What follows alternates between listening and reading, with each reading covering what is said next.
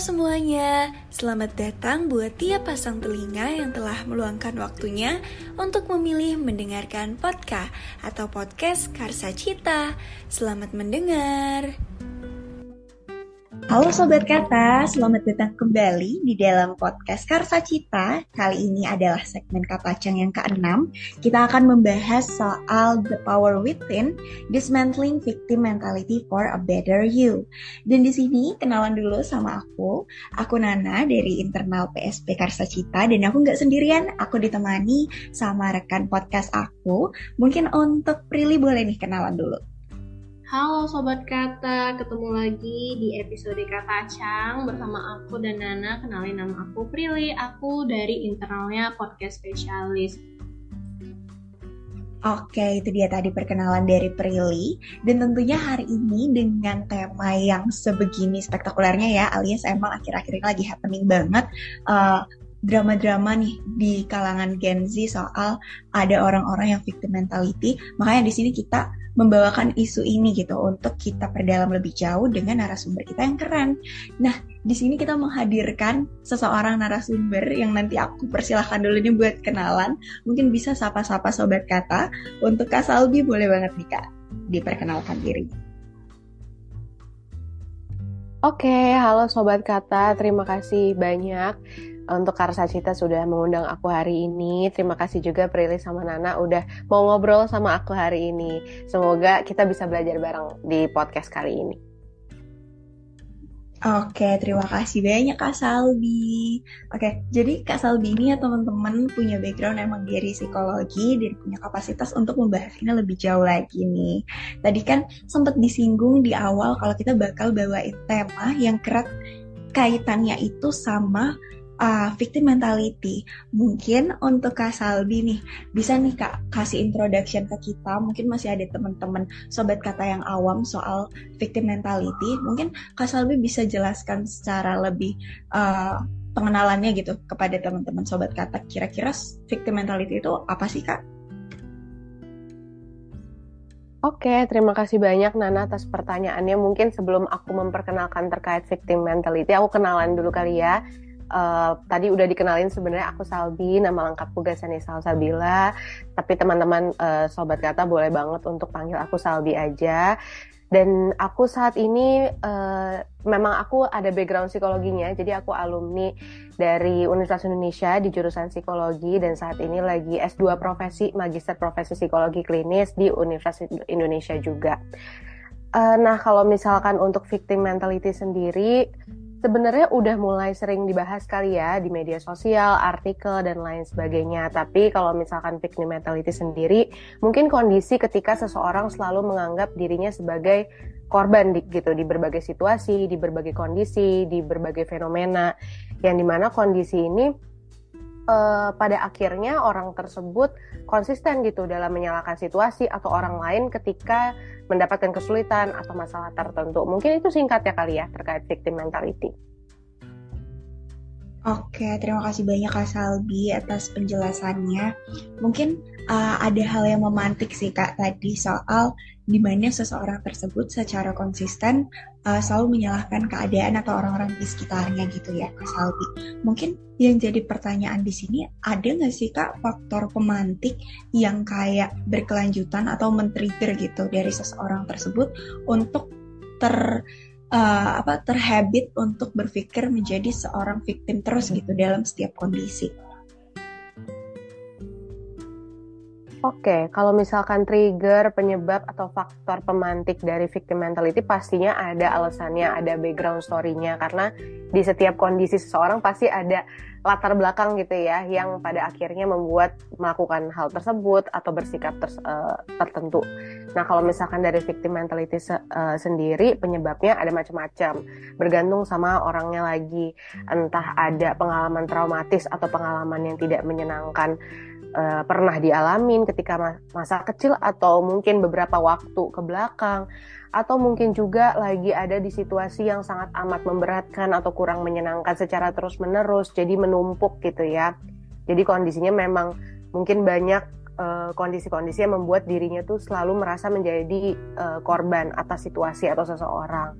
Mungkin juga kurang mendapatkan perhatian orang lain dari orang lain, makanya mereka mencarinya dengan si victim mentality tersebut.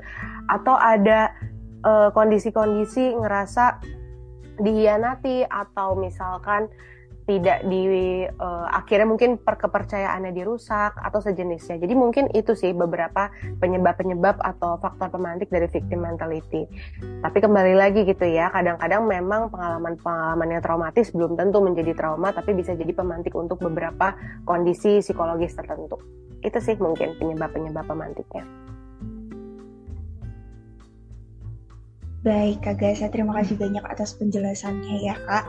Mungkin di sini berarti yang aku tangkap emang bentuk kondisi dari lingkup sosial seseorang tuh benar-benar berdampak besar atas pembentukan pikiran atau mindset seseorang ya, Kak, berarti? Ya, betul banget. Mungkin uh, yang kita tahu sering ya pasti ada faktor internal dan eksternal gitu ya. Jadi tidak menutup kemungkinan kalau lingkungan, situasi sekitar itu mempengaruhi. Oke, baik Kak Gesa.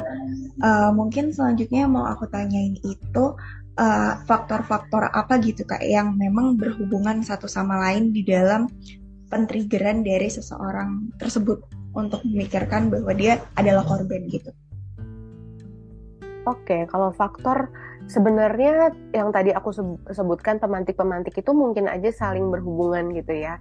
Bahkan kadang uh, untuk ya mungkin untuk kondisi psikologis tadinya uh, baik-baik aja gitu tapi ada satu titik yang mungkin dia lagi ngerasa uh, down atau dia lagi ngerasa nggak baik-baik aja atau dia lagi ngerasa banyak tekanan dalam hidupnya tiba-tiba ke trigger padahal biasanya nggak ke trigger jadi menurutku faktor-faktor yang saling berhubungan uh, hampir eksternal dan internal di sekitar dia sih pasti akan berpengaruh. Bahkan uh, fisik dan mental juga mungkin banget. Mungkin ketika kita berlarut-larut dalam kondisi tertentu yang mungkin kurang menyenangkan dan kita terus-menerus menganggap diri kita sebagai korban, mungkin itu bisa nge-trigger fisiknya juga. Entah ya ada uh, gejala-gejala yang mungkin pusing atau misalkan capek atau apa itu kan mungkin banget karena kondisi psikologis mempengaruhi uh, saling mempengaruhi lah sama kondisi fisik.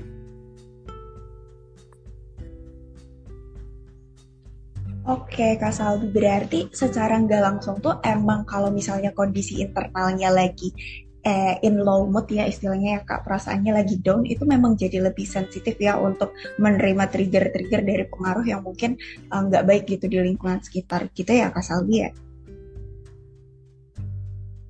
Oke, okay. uh, sebenarnya kalau misalkan kita kita perlu untuk mengklasifikasikan juga ya kayak lebih sensitif mungkin banget sih ketika kita lagi stres mungkin kita jadi gampang kepancing emosi atau gimana itu mungkin banget uh, tapi kadang-kadang ada juga orang yang uh, bukan karena sensitif tapi memang kondisinya aja lagi berat aja gitu istilahnya itu sih mungkin uh, gambaran sedikit terkait itu. Oke Kak Salbi, terima kasih banyak atas penjabarannya Kak. Terus tadi sempat Kakak mention kalau misalnya eh, hal-hal terkait pikiran yang berat, apalagi kalau misalnya victim mentality kan erat kaitannya sama overthinking gitu ya Kak. Bikin skenario sendiri sebagai seorang korban gitu. Nah, itu juga punya dampak kepada fisik dari si seseorang tersebut ya Kak? Oke, um, terkait ya mungkin berhubungan banget juga sama overthinking gitu ya. Kayak overthinking itu kan kita berusaha untuk mengontrol sesuatu yang ada di luar uh, kontrol kita kan istilahnya kayak sebenarnya belum tentu terjadi tapi kita bikin skenario sendiri di pikiran kita. Dan ketika orang yang overthinking ya mungkin banget juga untuk berdampak ke fisiknya. Entah misalkan karena overthinking berlarut-larut uh, cukup lama akhirnya susah untuk tidur terus jadi tidurnya nggak cukup uh, dan lain sebagainya. Jadi istilahnya berantai itu mungkin banget terjadi. Oke Kak Salbi, berarti emang banyak banget ya dampak yang bisa ditimbulin gitu dari pikiran seseorang gitu. Terus mungkin yang mau aku lanjut tanyain adalah mungkin di dalam hidup sehari-hari, mungkin Kak Salbi pernah juga gitu ya bertemu sama seseorang yang mungkin punya mindset victim mentality ini. Nah, uh, dari Kak Salbi sendiri ketika punya momen bertemu sama orang-orang yang kayak gitu, tanggapan Kak Salbi untuk menyikapi atau menanggapi mereka tuh seperti apa sih Kak? Oke, nah kalau misalkan untuk uh, bertemu gitu ya di kehidupan nyata pasti ada aja gitu ya, dan kadang pun kita ada di kondisi-kondisi uh, mungkin kita jadi um, apa memiliki victim mentality itu entah karena memang kita lagi berada di situasi yang menumpuk tadi gitu ya. Ada masalah misalkan masalah keluarga masalah pertemanan masalah pekerjaan dan lain sebagainya dalam satu waktu situasinya tidak menyenangkan terus menerus mungkin aja kita ada di mental state itulah istilahnya. Jadi akhirnya kita yang merasa jadi korban terus menerus tapi kan belum tentu si victim mentality ini kan terpupuk selalu gitu ya tapi ada juga orang-orang yang mungkin karena belum mendapatkan refleksi yang pas untuk dirinya akhirnya berada di uh, mentality itu terus. Nah kalau misalkan aku sendiri sebenarnya mungkin uh, victim mentality juga sering ditemui di tempat kerja kali ya gitu. Jadi aku pun juga pernah menemukan uh, di tempat kerja gitu ya, di kampus juga mungkin. Nah kalau misalkan tanggapan aku sendiri nggak bisa kita terburu-buru untuk ngejudge kalau dia itu uh, selalu playing victim. Istilahnya mungkin playing victim tuh salah satu keywords yang sering disebutkan juga ketika victim mentality dibahas gitu ya. Eh, nggak uh, bisa kita langsung ngomong oh dia tuh playing victim terus dan lain sebagainya. Tapi mungkin kita bisa ketika kita sulit untuk memahami dia, coba kita ambil jarak dulu sedikit gitu ya uh, kita ambil jarak dulu sedikit untuk lebih berempati. Mungkin aja dia lagi ada di kondisi yang tidak baik-baik saja. Mungkin aja dia lagi sulit untuk coping dari masalah atau emosinya. Jadi tanggapanku lebih ke sana sih. Kayak kadang-kadang kita pengen ngejudge pasti kalau aku pun pribadi pasti ada rasa keselnya gitu ya. Tapi nggak ada salahnya kita mundur sedikit gitu ya. Uh, ambil jeda sedikit untuk lebih memahami, untuk lebih berempati dengan kondisi orang tersebut gitu. Oke, nangkep banget Kak Salbi. Istilahnya tuh selalu ada untold story dari kehidupan masing-masing orang ya Kak. Jadi gak bisa buru-buru untuk menghakimi karena setiap hal yang terbentuk di diri mereka pasti punya alasan tertentu. Kurang lebih kayak gitu ya Kak Salbi ya?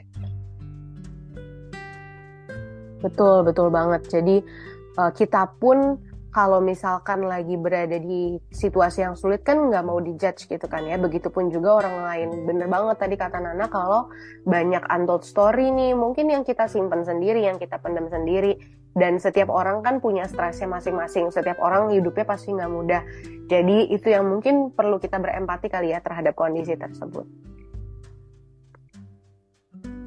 Oke, baik. Terima kasih banyak Kak Salvi atas penjabarannya. Mungkin last question dari aku sebelum nanti kita move ke Prilly nih untuk lanjut meneruskan pertanyaannya.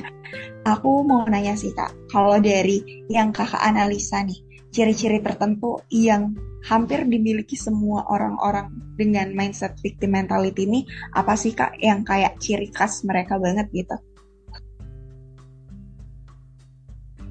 Oke, kalau ciri-ciri sebenarnya selain mungkin dari pengalaman aku sendiri, mungkin juga dari beberapa riset gitu ya. Kalau misalkan dari beberapa riset juga mengatakan kalau ada beberapa tanda-tanda atau ciri-ciri dari orang-orang yang mungkin memiliki uh, atau me menetapkan gitu ya pada dia ter terkait victim mentality ini mungkin yang pertama dia kurang mau, kurang tergerak untuk mencari solusi dari suatu masalah. Makanya dia mungkin nggak menemukan jalan keluar tertentu dari permasalahan yang lagi dihadapin. Jadi dia udah uh, kayak gitu aja, nggak mau cari solusi dari masalah yang dia punya. Kemudian mungkin berhubungan sama self esteem juga. Ketika kita selalu menganggap diri kita korban kan berarti kita berpikiran istilahnya ada pikiran negatif gitu kan ya terhadap diri kita sendiri. Jadi mungkin aja eh, salah satu cirinya self esteem yang kurang yang kurang yang rendah istilahnya gitu lah ya. Jadi merasa rendah diri, menganggap dirinya nggak mampu untuk melakukan sesuatu untuk menyelesaikan masalahnya. Jadi istilahnya ada rasa-rasa pesimis dalam diri dalam dirinya sendiri. Nah kemudian menghindari tanggung jawab tanggung jawab yang dia punya karena misalkan nih kita dilimpahkan sama tanggung jawab yang banyak gitu ya kita cenderung menyalahkan dengan kondisi si tanggung jawab itu daripada menghadapi tanggung jawabnya. Uh, terus mungkin uh, berhubungan juga sama self esteem tadi ada rasa insecure yang mungkin terus menerus kali ya jadi ada kecemasan akan diri sendiri yang mungkin berlebih dan terus menerus uh, terus merasa nggak mendapatkan dukungan atau cinta dari orang lain dan lain sebagainya. Jadi sebenarnya tanda-tanda ini tuh nggak semua orang punya, tapi mungkin beberapa cirinya ada di beberapa orang gitu. Jadi misalkan yang tadi aku sebutin belum tentu di satu orang tuh selalu ada semuanya, tapi mungkin ada beberapanya lah gitu. Itu sih mungkin ketika uh, tadi mungkin Nana sebut terkait overthinking juga, mungkin ketika kita ada di victim mentality itu, kita jadi berusaha untuk selalu mengontrol apa yang di luar kontrol kita daripada apa yang bisa kita kendalikannya. Itu sih. Oke, waduh, terima kasih banyak ya Kak Salbi atas informasinya. Mungkin uh, sobat kata bisa mendengar dan menambah insight gitu ya terkait victim mentality ini. Mungkin nextnya bakal lebih dikupas lagi. Prilly bisa langsung aja nih tanya-tanya Kak Salbi kelanjutannya. Oke, dan aku dari tadi denger kayak oh my god, victim mentality ini kayak bahaya, cuman nggak kelihatan gitu ya bahayanya. iya, kayak lebih ke apa masalah biasa yang sering dialami sama manusia. Cuman nih ya kak, kan aku tadi dengar ada kayak istilah coping dari masalah kan, berarti kan kita melarikan pikiran kita tuh dengan victim mentality ini gitu tentang masalah kita. Itu kan pasti akan menimbulkan dampak nih kan kak? Nah jadi dilihat dari sisi psikologi gitu ya dampak apa aja sih yang bisa timbul dari pribadi seseorang yang punya mindset victim mentality ini? Oke, kalau dari dampak sendiri sebenarnya macam-macam dan lagi-lagi berbeda bagi setiap orang. Mungkin aja jadi terganggu nih hubungan interpersonalnya, hubungan antar uh, bersama orang lain. Entah karena kita jadi mungkin orang lain juga kesel karena kita terus-menerus merasa di state ya menjadi korban gitu ya. Kadang juga kita jadi sulit uh, mengkomunikasikan sesuatu karena kita merasa selalu ya udah uh, kejadian kesal atau masalah atau kejadian yang aku alami sekarang tuh karena situasiku karena orang lain itu kan kita jadi ngerasa ya udah emang orang lain salah emang situasi salah gitu ya. Jadi mungkin ada hambatan-hambatan tertentu di hubungan interpersonalnya. Kemudian mungkin juga ada uh, yang menghambat di uh, hubungan intrapersonalnya. Kita jadi ngerasa nggak mampu terus menerus kita jadi merasa diri kita uh, rendah. Diri kita rendah gitu ya kita jadi ciut sendiri karena kita ngerasa kita selalu jadi korban. Dan kita jadi uh, perlahan-lahan tuh menghilangkan kontrol kita atas diri kita sendiri. Padahal kan segala hal yang bisa kita kendalikan kan adalah segala hal yang ada di diri kita. Tapi karena kita terbiasa untuk menyalahkan situasi, lingkungan, orang lain atas apa yang terjadi di kita, kita jadi kehilangan kontrol atas diri kita sendiri gitu kan ya. Jadi mungkin dampak-dampaknya ke sana. Jadi nggak cuma merugikan diri kita sendiri, tapi juga merugikan, mungkin bisa merugikan orang lain. Hmm, jadi tapi lebih utamanya tuh kayak pikiran kita gitu ya overthinking terus self esteem yang rendah terus kitanya juga jadi kurang tanggung jawab gitu ya karena mindset victim mentality ini kayak menyalahkan orang lain gitu ya dan gak melihat ke diri sendiri apa sih yang salah dengan kita gitu ya kan kak Iya, jadi mungkin itu salah satunya ya, bener banget Pril. Jadi kayak karena memang situasi, oh ya udah situasinya yang salah aja, orang lain aja yang salah, jadi kita sulit untuk mungkin punya kontrol dan tanggung jawab atas diri kita sendiri. Victim mentality juga mungkin kalau di pekerjaan kayak gitu ya, kayak sebenarnya kita punya tanggung jawab tapi pada akhirnya uh, terhambat akhirnya nggak diselesaikan atau gimana itu mungkin banget. Hmm, oke, okay. aku sangat paham dengan penjelasan Kak Salbi yang benar-benar rinci ya gitu. Terus dengar-dengar nih, aku udah sempat stalking ya, stalking. Jadi sobat kata Kak Salbi ini tuh lagi proses nerbitin buku untuk lebih ya Kak? Iya, betul banget Priya. Hmm, oke okay. kalau misalnya Kak Salbi berkenan nih buat ceritain tentang buku untuk lebih ini juga dan mungkin masih nih terkait dengan victim mentality mungkin boleh nih kak diceritain biar sobat kata denger juga nih. Oke, terima kasih banyak Pril. Jadi kalau misalkan untuk buku, aku sendiri berjudulnya untuk lebih gitu ya. Jadi aku uh, menerbitkan buku ini bersama Bentang Pustaka dan Jendela Jiwa. Mungkin spesifiknya di belianya gitu ya, Bentang belianya. Karena memang ini untuk remaja tapi untuk dewasa muda atau se apa namanya di atas itu juga possible banget untuk membaca. Mungkin kalau misalkan untuk spesifik ke victim mentality-nya nggak terbahas secara terkupas gitu ya di buku tersebut. Karena sebenarnya ini lebih ke secara general untuk kita berefleksi gitu. Nah, mungkin dengan buku ini bisa membantu kita untuk berefleksi lagi. Kadang kan kalau kita berada di victim mentality ini kita sulit untuk melihat diri kita sendiri ya, entah karena kita rendah diri atau entah karena kita ya tidak melihat uh, ya melihat orang lain atau situasi selalu menjadi sumber masalahnya dengan kita banyak-banyak berefleksi membantu kita untuk melihat diri kita kembali secara lebih jelas lebih crystal clear gitu. Istilahnya kayak uh, kaca gitu ya kita lagi ngaca nih kita ngelihat diri kita. Tapi di kaca itu udah penuh post it udah penuh stickers yang di mana stiker itu uh, apa ya kekhawatiran kita ketakutan kita, mungkin uh, self talk yang buruk terhadap diri kita sendiri dan lain sebagainya sampai akhirnya terlalu banyak stiker atau post it kita udah nggak bisa melihat diri kita lagi di kaca itu. Nah, dengan refleksi sebenarnya membantu kita untuk melepas stikernya satu persatu, jadi melihat diri kita lebih luas lagi. Nah, kenapa refleksi itu menjadi highlight di buku untuk lebih? Karena untuk lebih ini sebenarnya format ceritanya dalam bentuk diary gitu. Jadi walaupun mungkin ceritanya fiksi tapi sangat amat relate sama aku sama beberapa orang di sekitarku juga karena aku dan beberapa orang di sekitarku mungkin pernah merasakan hal yang demikian begitu juga teman-teman. Jadi istilahnya dengan diary ini bisa bantu untuk refleksi karena nggak cuma baca buku tapi di buku untuk lebih itu juga kita ada uh, worksheet worksheet yang bisa uh, diisi gitu untuk kita berefleksi lebih dalam. Hmm, oke okay, oke. Okay. Eh, keren banget. Aku jadi pengen beli deh sobat kata sumpah. Jadi kayak buku ini tuh mencakup semuanya ya. Jadi bukan cuman uh, kayak buku fiksi, buku cerita tapi juga berupa diary, terus juga ada worksheet worksheet yang worksheet yang bisa kita isi gitu. Itu keren banget sih Kak Sabi. Oke okay deh.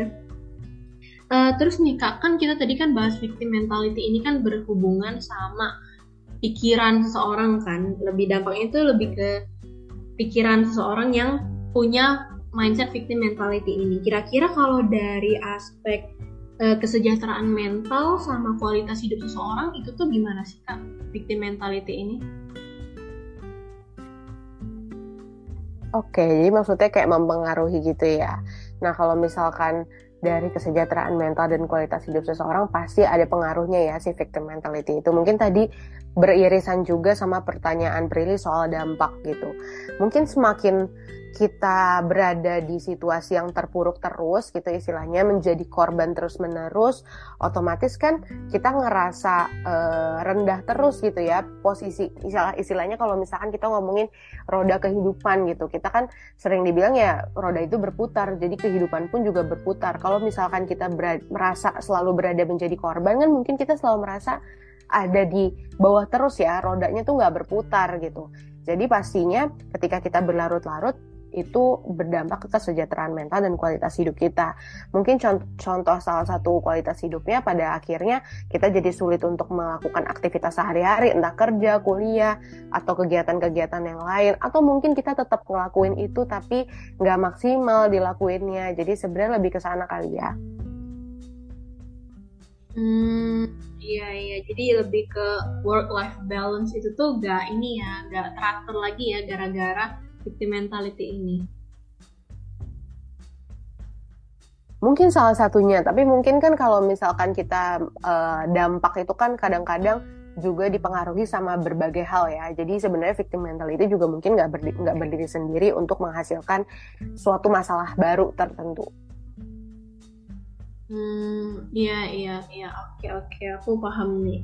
Jadi kita tadi udah bahas nih tentang pengertian dari victim mentality, terus juga faktor-faktor pemicu atau pemantiknya, dan juga beberapa dampak dari victim mentality ini. Kalau dari Kak Salbi sendiri nih, ada nggak sih cara nih supaya orang-orang yang mungkin punya pola pikir ini tuh bisa mengubah pola pikir ini tuh supaya mereka tuh bisa mencapai kehidupan yang lebih baik gitu?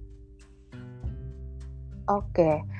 Um, mungkin yang paling utama akan aku sebutkan terkait refleksi gitu ya. Kita perlu banget untuk refleksi diri.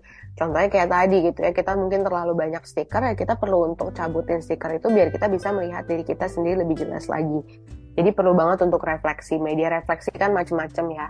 Ada ya journaling dengan nulis atau misalkan dengan self talk ngobrol sama diri sendiri atau juga bisa dengan diskusi sama orang-orang terdekat yang benar-benar kenal sama kita. Cuma kalau misalkan diskusi, mungkin kita nggak nggak mm, jangan sampai hanya menelan secara mentah-mentah ya, tapi lebih ke setelah kita diskusi, coba kita proses lebih dalam dengan refleksi kita sendiri. Jadi yang pertama banget untuk perlu dilakukan adalah refleksi. Gimana cara taunya?